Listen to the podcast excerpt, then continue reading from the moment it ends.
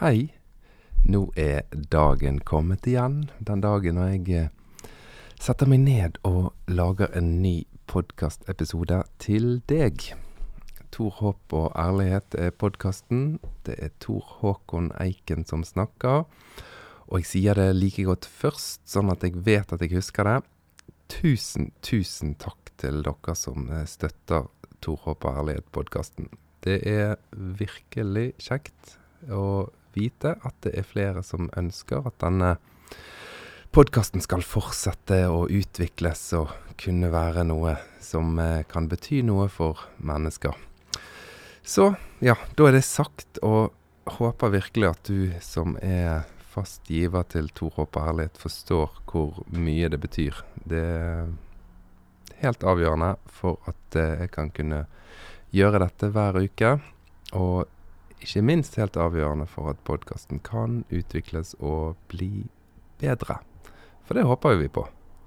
Det ligger vel litt i oss mennesker, vår natur. Vi ønsker å forbedre og utvikle og endre. Og noen ganger er det veldig bra. Jeg tror veldig ofte er det bra å kjenne litt på ønsket om utvikling og forbedring. Stillstand, det gjør oss litt utilfreds. Vi har et, eh, en utforskertrang og en leitetrang og en oppfinnelsestrang og en forbedringstrang som er veldig fascinerende.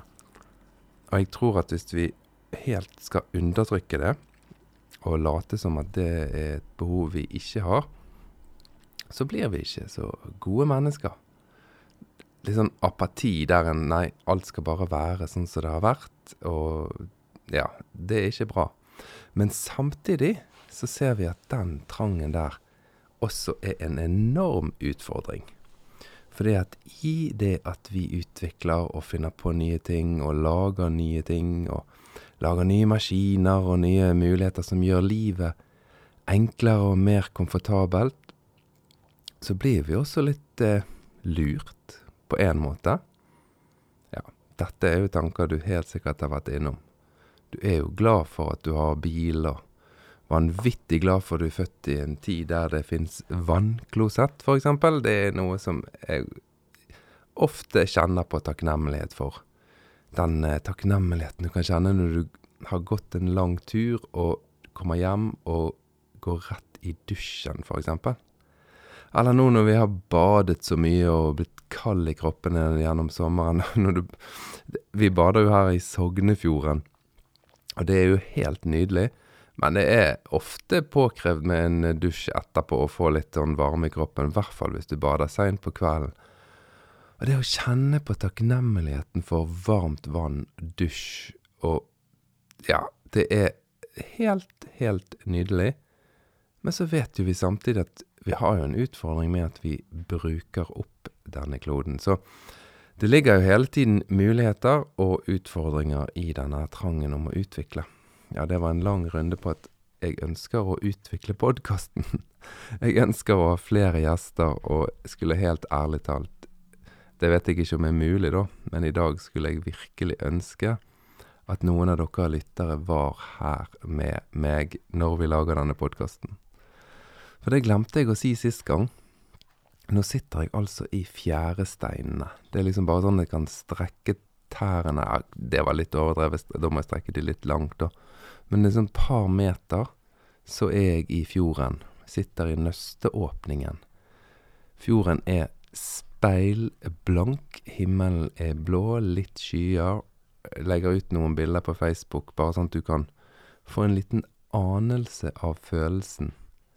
Og det er en sånn ro i dette. Det er sånn Og for meg er det å komme her en gave. Jeg kjenner fysisk at kroppen og tanker og alt roer seg ned. Og så kjenner jeg litt på det at Gå hvor fantastisk å ha et sted der det går an å være helt aleine. Der en kan være aleine og puste og kjenne og se på natur og føle natur, føle naturens Ja, hva skal jeg si? Pust, eller hjerteslag, jeg vet ikke. Det er noe med å gå opp på disse fjellene, padle en tur i kajakken. Åh, det er en sånn pause fra livet.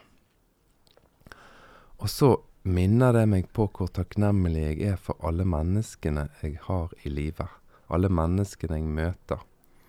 Denne sommeren hadde vi besøk av Emilie og hennes kjæreste Tuva. Vi hadde besøk av Markus, som er sønnen, eldstesønnen vår, og samboeren hans Sara.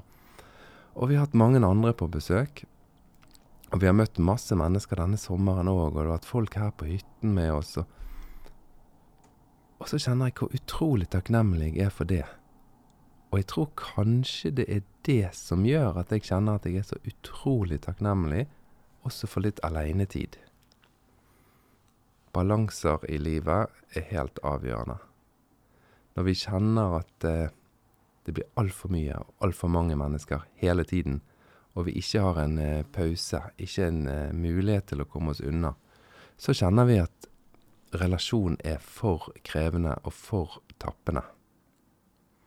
Men hvis vi ikke har relasjoner, og du bare er aleine, og du kan, du kan jo du tenke 'Å, jeg har så mye alenetid, så fantastisk, nå kan jeg nyte og kjenne på naturens pust', og lytte til min egen pust, og så videre. Men da blir jo ikke det noe meningsfylt, sant. Det er jo veksling som gjør at noe er godt. Ikke det sant? Bare det ene eller bare det andre, det tror ikke jeg er sunt for noe menneske. Så har jo jeg lært gjennom mange år, jeg har levd i mange år etter hvert, så har jeg levd, lært at vi er jo litt forskjellige, vi mennesker. Jeg er nok en person som trenger alenetid, men som er utrolig glad i å møte mennesker. Er utrolig glad i å høre nye tanker og Og jeg kjenner også at jeg blir sånn nysgjerrig når jeg møter nye mennesker. Jeg blir nysgjerrig på deres livsfortelling. Det har blitt en sånn utrolig stor sannhet for meg at hvert menneske, hvert eneste menneske jeg møter, er en bok. Altså det er Hvert eneste menneske har en fortelling. Snakker du med et menneske som er, har levd i mange år, som er kanskje 90, så kjenner jeg at jeg føler at jeg sitter overfor noe som er hellig. Altså det, det hørtes kanskje voldsomt ut, men det, jeg mener det helt på ekte. Det mennesket har en historie, har erfaringer av smerte og glede og sorg og høyder og bunner som nesten ikke går an å forstå. Og så bare sitter det et menneske, eller står et menneske ved siden av meg her, som er en fantastisk bok. Hvert eneste menneske er en fantastisk bok. Sånne følelser har jeg i møte med mennesker. Men så har jeg også den intense følelsen av nå må jeg være for meg sjøl. Nå må jeg kjenne på naturen.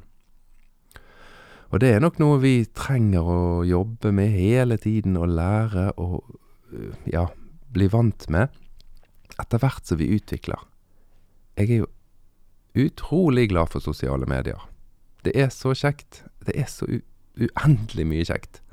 På TikTok du finner så utrolig mye interessant og underholdende og gøyt, og du blir bare fascinert over menneskenes kreativitet. Og på Instagram, der folk deler så mye bilder og kunst og opplevelser.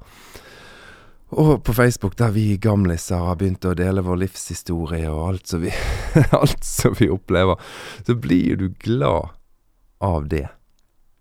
Men det er jo ingen tvil om at det som jeg opplever nå, akkurat nå, i dag, her på hytten, blank fjord, ikke et eneste menneske rundt meg, grønne topper med litt snø på øverst, med, og blå himmel, og bare pust. Ingen tanker for noe jeg skal. Jeg skal bare ned og i nøstet og lage en episode og det er jo noe av det aller kjekkeste jeg gjør hver eneste uke. Det er dette. Ja, den pausen der, det unner jeg alle mennesker å kjenne på.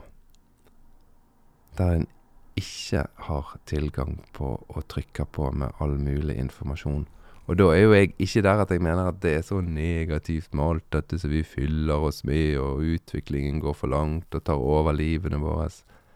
Nei, det er bare det at dette er nye ting.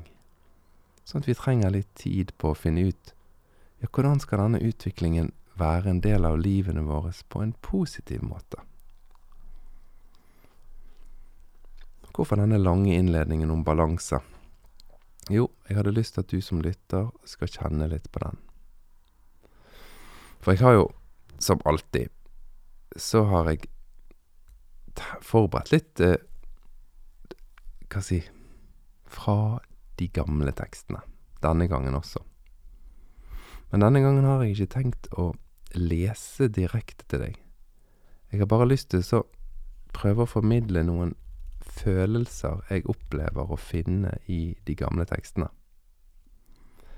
For i de gamle tekstene så er jo det klart at de som skrev og sa ting der, de opplevde jo ikke de samme liksom, fysiske, konkrete utfordringene som vi står overfor i dag. Ikke akkurat de samme.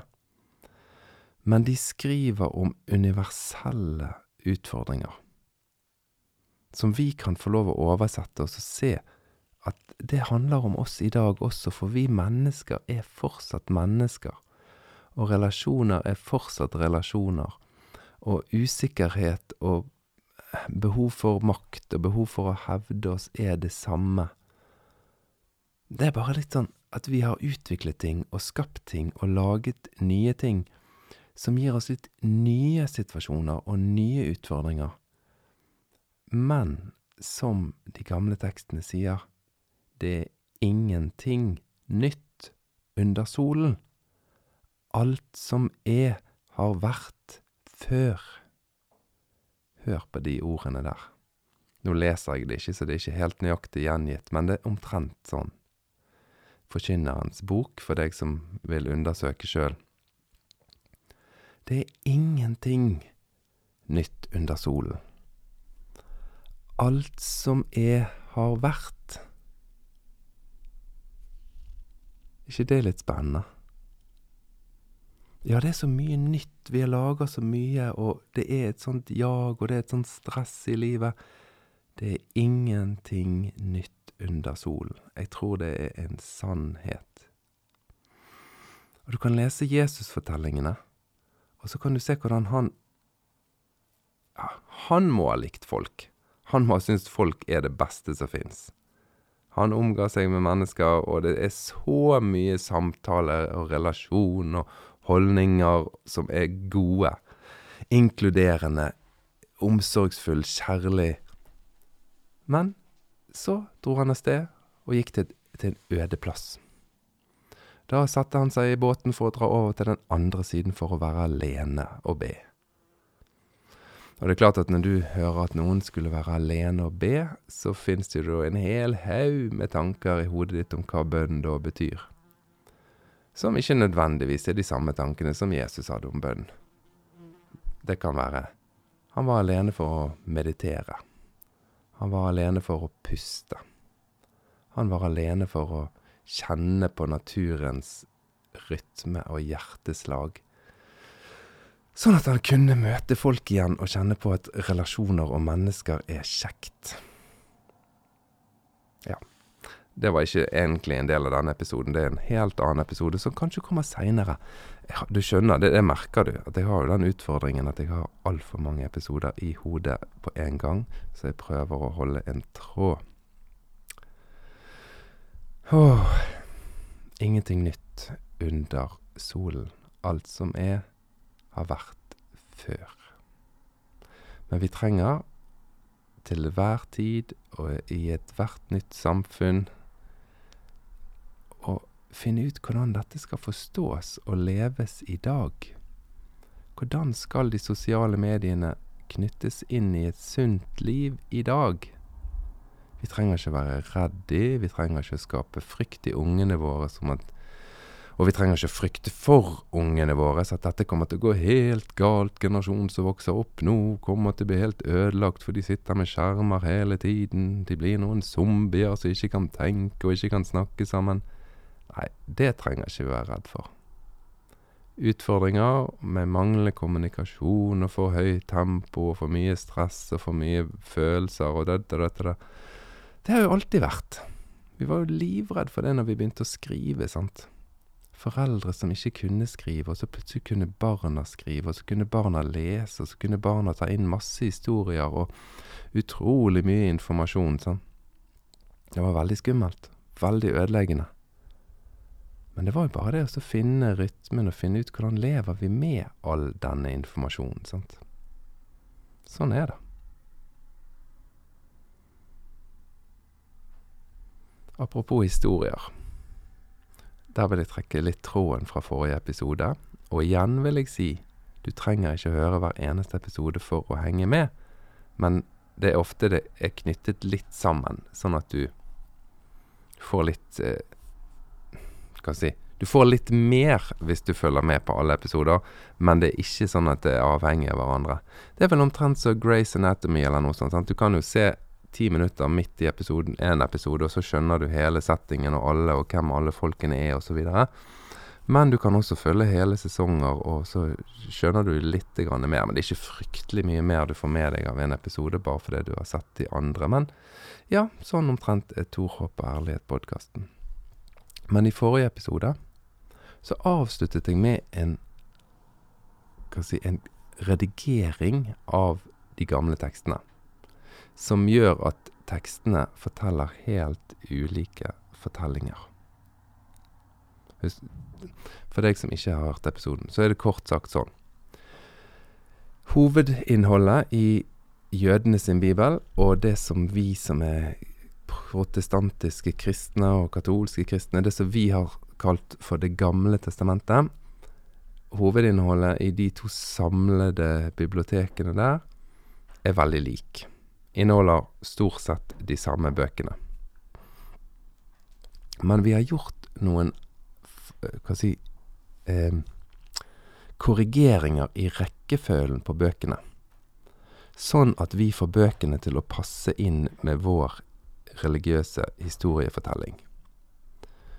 Jødene har satt til slutt en bok som avslutter med et løfte til alle Guds folk at de kan komme til Jerusalem. For deres tanke handler jo om at Gud har gitt dem et land og opprettet et folk som skal være en velsignelse for alle folkeslag på jorden, og det skal komme en Messias, og når Messias kommer, så blir det fred på hele jorden, og folket som Gud har utvalgt, skal være samlet i Jerusalem. Og du merker når du leser avslutningen på jødenes bibel, at det er helt naturlig å begynne på nytt igjen å lese skapelsesfortellingen, og lese om tilblivelsen av dette folket, og historien om hvordan dette folket har vendt seg vekk ifra Gud, og hvordan Gud venter i tålmodighet og ønsker å opprette relasjonen igjen der de lever som det folket som er et lys for alle folk, og viser alle folk hvordan et samfunn med Gud i sentrum blir et godt samfunn for alle mennesker, osv., osv. Ja. Det er deres historiefortelling. Og så har vi flyttet litt på bøkene igjen, og så avslutter da Det gamle testamentet som om alle bøker i dette gamle testamentet sier at nå kommer det en annen profet. Nå kommer det en som skal sette i stand for at Frelseren skal komme. Og så begynner vårt nye testamente med Jesus Nei, med Johannes, som forteller om at det skal komme en større enn han, og så kommer Jesus. Og så får vi da laget oss en historiefortelling som henger sammen med Det nye testamentet. Altså, det er selvfølgelig Eller fra mitt ståsted er det selvfølgelig ingen av disse historiefortellingene som er riktig, sant. Dette er en måte vi har valgt å fortelle historien på. Og det gjør vi hele tiden for å få ting til å henge sammen, og vi leiter etter svaret som vi kan sette opp, at alle de gamle tekstene, når vi plusser de sammen, så får vi et svar som backer vår historiefortelling. Men jeg opplever at det er Ja, da da får ikke vi utbytte av disse fortellingene lenger. Da mister vi liksom muligheten til å leite etter dybdene i de. Dette her er, som er det samme og som har vært gjennom alle tider. Det er ingenting nytt under solen. Og vi kan hente opp igjen visdom og problemstillinger som de jobbet med før, som vi også jobber med i dag. Altså, vi går glipp av denne her klokskapen som fins i de gamle tekstene, når vi setter to streker under svaret. Vi har skjønt rekkefølgen, vi har skjønt hvordan dette bygges opp. Og alle de bøkene i de gamle tekstene som ikke passer inn med vår historiefortelling, de dropper vi. Da går vi glipp av det. Jeg skal ta et eksempel til deg i dag, som jeg tror du kommer til å like. Og det er et eksempel som jeg jobbet ganske lenge med. Og når jeg forteller deg det, så kommer du til å tenke Tor Håkon er den rareste personen som har fått seg sko på beina, altså. Men heng med meg litt, så vil du tenke at kanskje at ikke jeg er så rar allikevel. Og om du lander på at jeg er veldig rar, så er det litt rart at jeg har blitt så voksen at det lever jeg også fint med. Men i lovene, altså det vil si Mosebøkene, da, særlig tredje Mosebok, det er jo kjernen i den jødiske bibelen. Det var, det var lovene som Gud ga til folket på fjellet. Ikke som lover som alltid skulle være sånn, men lover som en skulle jobbe med og utarbeide og hva si, kna og utvikle for at de skulle ha et godt samfunn og bli det samfunnet som, som kunne vise alle folkeslag hvordan et godt samfunn ser ut. Og så tenkte de at ting som ble gjentatt i lovene, siden loven var gitt de av Gud, så hvis det var ting som ble gjentatt og sagt flere ganger, så var det ekstra viktig å henge med på. Og én ting som ble gjentatt tre ganger, jeg tror det er to ganger i tredje Mosebok og én gang i femte Mosebok, det er dette her verset som, som sier Du skal ikke koke et skje i moren sin melk. Og det verset, det har jeg, det har jeg faktisk gått og grublet litt på. Hvorfor står det flere ganger? Hvorfor er det blitt så viktig? Og hvis du googler og går på forskjellige infosider rundt jødisk bibel, så vil du finne ut at det verset er blitt grunnlaget for hele denne her oppbyggingen av kjøkkenet, det jødiske kjøkkenet. At en må ha to sett bestikk og to sett serviser og sånn, fordi at melk og kjøtt skal ikke blandes. Og for meg, som er en enkel uh, kar, oppvokst i en protestantisk sammenheng, så blir jo det veldig rart, sant. Altså, hvorfor skulle Vår Herre bry seg veldig sterkt med at jeg legger ost oppå kjøttpålegget når jeg spiser.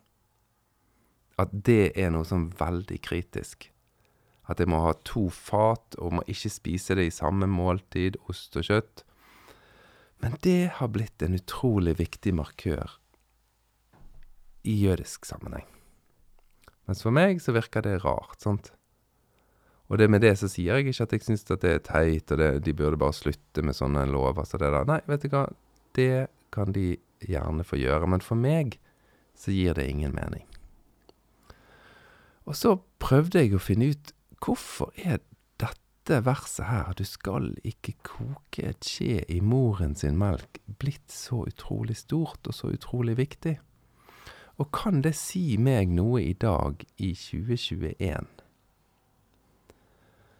Så undersøkte jeg litt til, og så fant jeg noen som mente at eh, dette var et sånt eh, tradisjonelt offerrituale.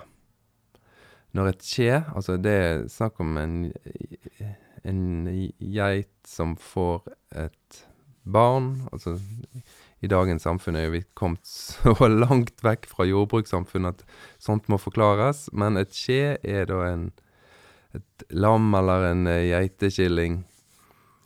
Når den, den kom til verden, så tok de melk melke, tok de og melket moren. Og så kokte de skjeet i den melken.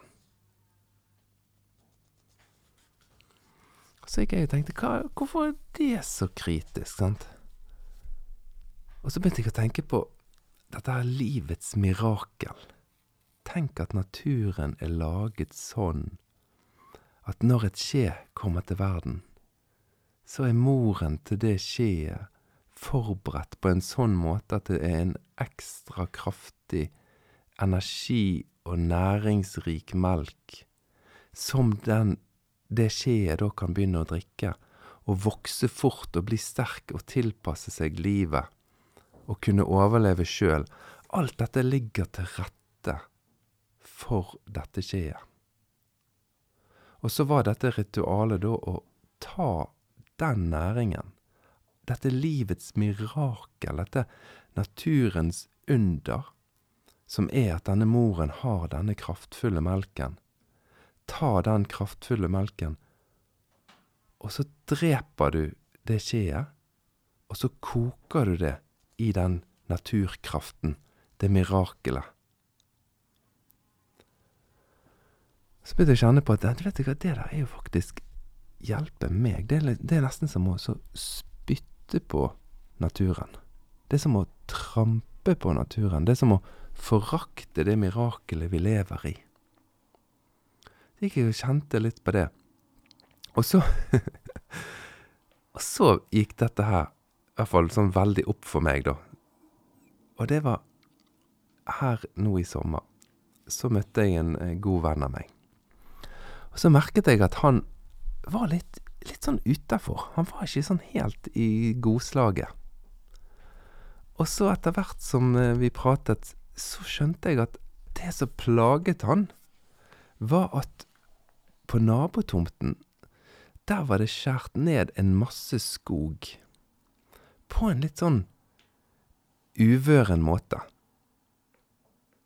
Og denne kameraten min, han er en som feller mye skog og lager ved og rydder tomter og ordner. Det gjør han i stor grad, da. Gjør mye. Veldig mye sånt arbeid. Og så merket jeg at denne her skogryddingen som han da hadde gått og sett på at andre gjorde, den plaget han skikkelig. Og jeg catchet ikke hvorfor det plaget han. Og så spurte jeg han, hva er det, hvorfor, hva er det som er så galt med det der, da? Og så sier han at Se på det der, da. Den flotte skogen er kappet ned på en sjuskete måte om sommeren. Er det mulig? Og så måtte jeg og gruble litt på hvorfor var det så problematisk at det skjedde på sommeren. Og så gikk det opp for meg at ja, men det er jo det samme. Det er kok ikke skje i moren sin melk. For her har det nå vært vinter. Her har det vært frost. Naturen har trukket all sevje, all kraft, ned i roten. Alt bevares der, sånn at det ikke dør på grunn av kulden. Og når alt er nede i roten, all kraft og alt er i moder jord Det er da han kameraten min feller trær. Og da rydder han nøye og, og på en måte gjør dette grundig, sånn at grønnen som han rydder, blir fint og velstelt og respektfullt behandlet. Men så kommer våren, og da kom Det er jo livets mirakel igjen, sant? All den kraften som har blitt trukket ned i røttene og venter på at det skal bli varme igjen, den skyter opp i stammen og sprer seg ut i greinene, og ny, nye blader, nytt løv, nytt liv, som gir husrom til insekter og fugler, og fugler kan bygge rede.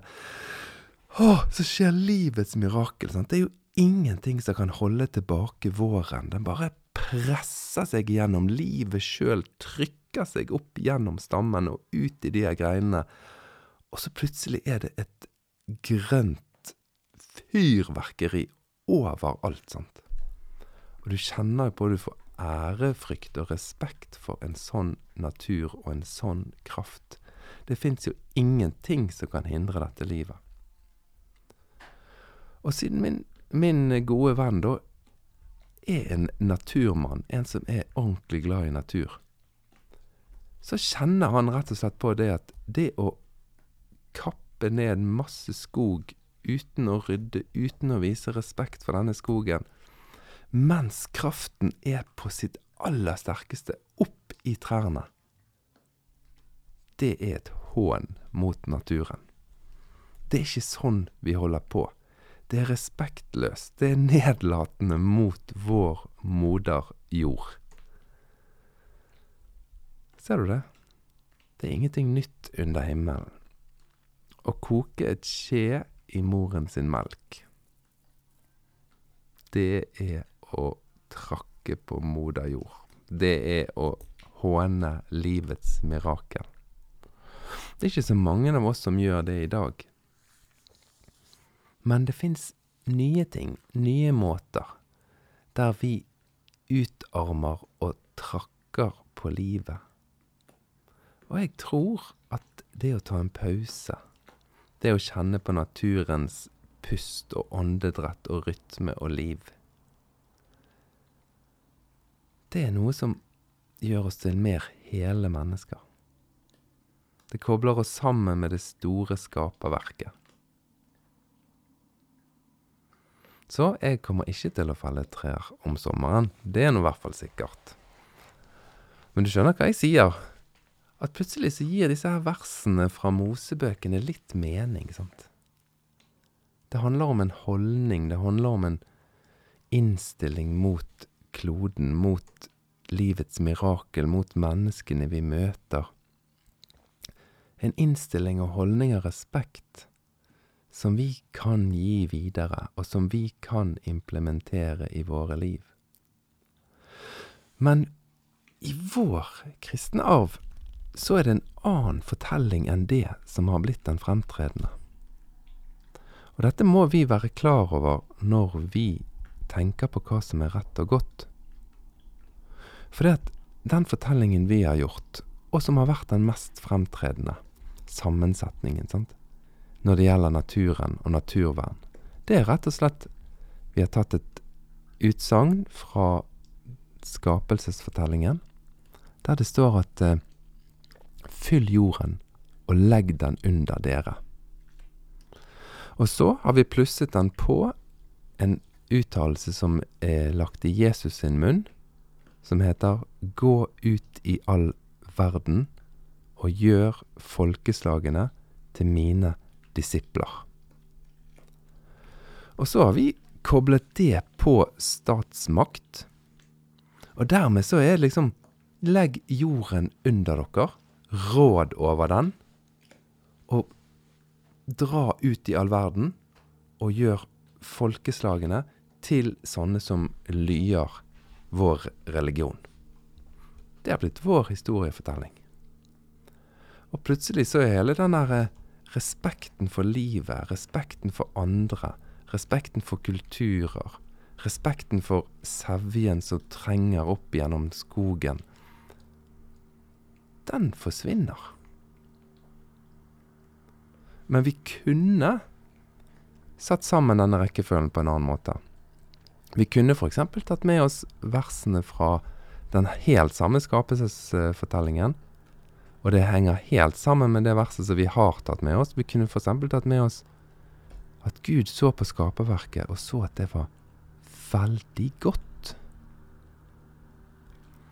Og så kunne vi tatt akkurat det samme Jesus-uttalelsen, istedenfor å gjøre de til disipler, som vi har gjort til en sånn Da er vi sjefen, og de andre folkene er litt under oss, og vi skal lære dem hvordan de skal leve. Så kunne vi heller tatt linjen etterpå der det står om å lære folk å holde det som han har befalt oss.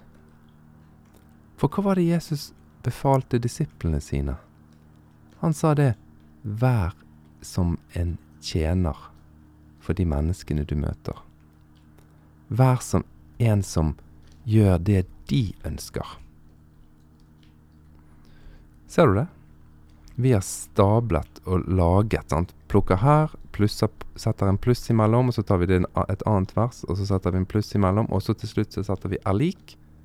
Vi er satt over skaperverket. Vi er sjefene. Vi har til og med fått i oppdrag av Gud å legge disse folkeslagene og denne kloden under oss, hensynsløst.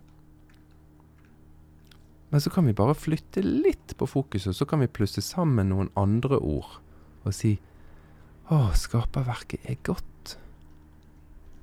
Gå ut i all verden og vær tjenere for de menneskene. Vis hensyn, vis respekt. Vask føtter. Ja, da får du et helt annet svar og en helt annen historiefortelling. Ut av akkurat de samme tekstene. Og det snodige er at det er egentlig vi som velger hvilken historiefortelling som skal være betydningsfull. Jeg har sagt det før, og jeg kommer til å si det mange ganger igjen. For meg var det et utgangspunkt når jeg begynte å jobbe med denne podkasten, at det gikk så opp for meg at Jesus leste de gamle tekstene helt annerledes enn det vi gjør i dag i vår kristne verden. Han forholdt seg helt annerledes til dem. Våres lesning er veldig mye mer lik de som var på en måte Jesus sine fiender. De fant noen uttalelser fra de gamle tekstene som ikke rammet de sjøl, men som på en måte kunne brukes som en rett til å arrestere mennesker rundt de. Spesielt mennesker som hadde det vanskelig, og mennesker som var kommet i en vanskelig situasjon, eller mennesker som var litt ulike de, de kunne de arrestere. Og med god grunn. Det var ikke noe problem å sette sammen disse små utdragene fra de gamle tekstene på den måten de gjorde, og få det til å funke helt fint. Men så fortelles det en Jesusfortelling om et menneske som behandler de gamle tekstene på en helt annen måte. En som virker som at han leste de gamle tekstene på en måte som oppfordret han til å gå en ekstra mil. Til å strekke seg langt for at andre skulle ha det godt. Og det ga meg en sånn utfordring på at Tor, les de gamle tekstene på nytt. Begynn å leite etter det hjertet som du tror at Jesus må ha hatt når han leste de gamle tekstene. Og så merker jeg at jo mer jeg jobber med disse tekstene, så er det helt umulig for meg å sette to streker under svaret og si at det disse tekstene betyr, det er dette. Sånn er det bare. Dette er svaret på alle tekstene. Nei, for disse tekstene forteller tusenvis av ulike historier. Og disse tekstene er et vitner for meg om at det er ingenting nytt under solen. Vi mennesker står overfor akkurat de samme utfordringene som de gjorde for 3000 år siden. Våre forfedre sto i akkurat de samme dilemmaene og kampene som vi gjorde, både personlig og med andre mennesker. Og da er det godt for meg å se hvordan de forsøkte å leite etter veien videre. De forsøkte å leite etter hva de hadde lyst til å gi videre til sine barn av holdninger og innstillinger og respekt og at de ville gi videre respekt for livet, respekt for livets mirakel. Det ser jeg når jeg leser at du skal ikke koke skje i moren sin melk. Vet du hva? Jeg håper du syns at denne episoden også var interessant. Kanskje noen av tankene er litt nye, men du skal vite at det, det er ikke nye tanker. Alle ting jeg sier, er det noen andre som har sagt før meg. Alle tankene jeg deler, er det noen andre som har funnet i skriftene lenge før meg. Skrevet bøker om alle emner som jeg er så vidt innom. For det er ikke noe nytt under solen. Vi høres neste fredag klokken 07.00. Og hvis du er ute etter svar med to streker under, da er det ikke noe vits å høre på Tor Håp og ærlighet. Men hvis du er ute etter noen spørsmål, noen tanker og litt undring som kan utfordre deg i livet, Da er Tor Håp og Ærlighet stedet du bør følge med. Trykke liker og dele. Det finnes også en Facebook-side og en Instagram-konto. Du finner de lett bare ved å gå inn på Facebook og Instagram. Del dine kommentarer. Send gjerne melding, mail, sånn som dere gjør. Takk for at du følger. Ha det bra.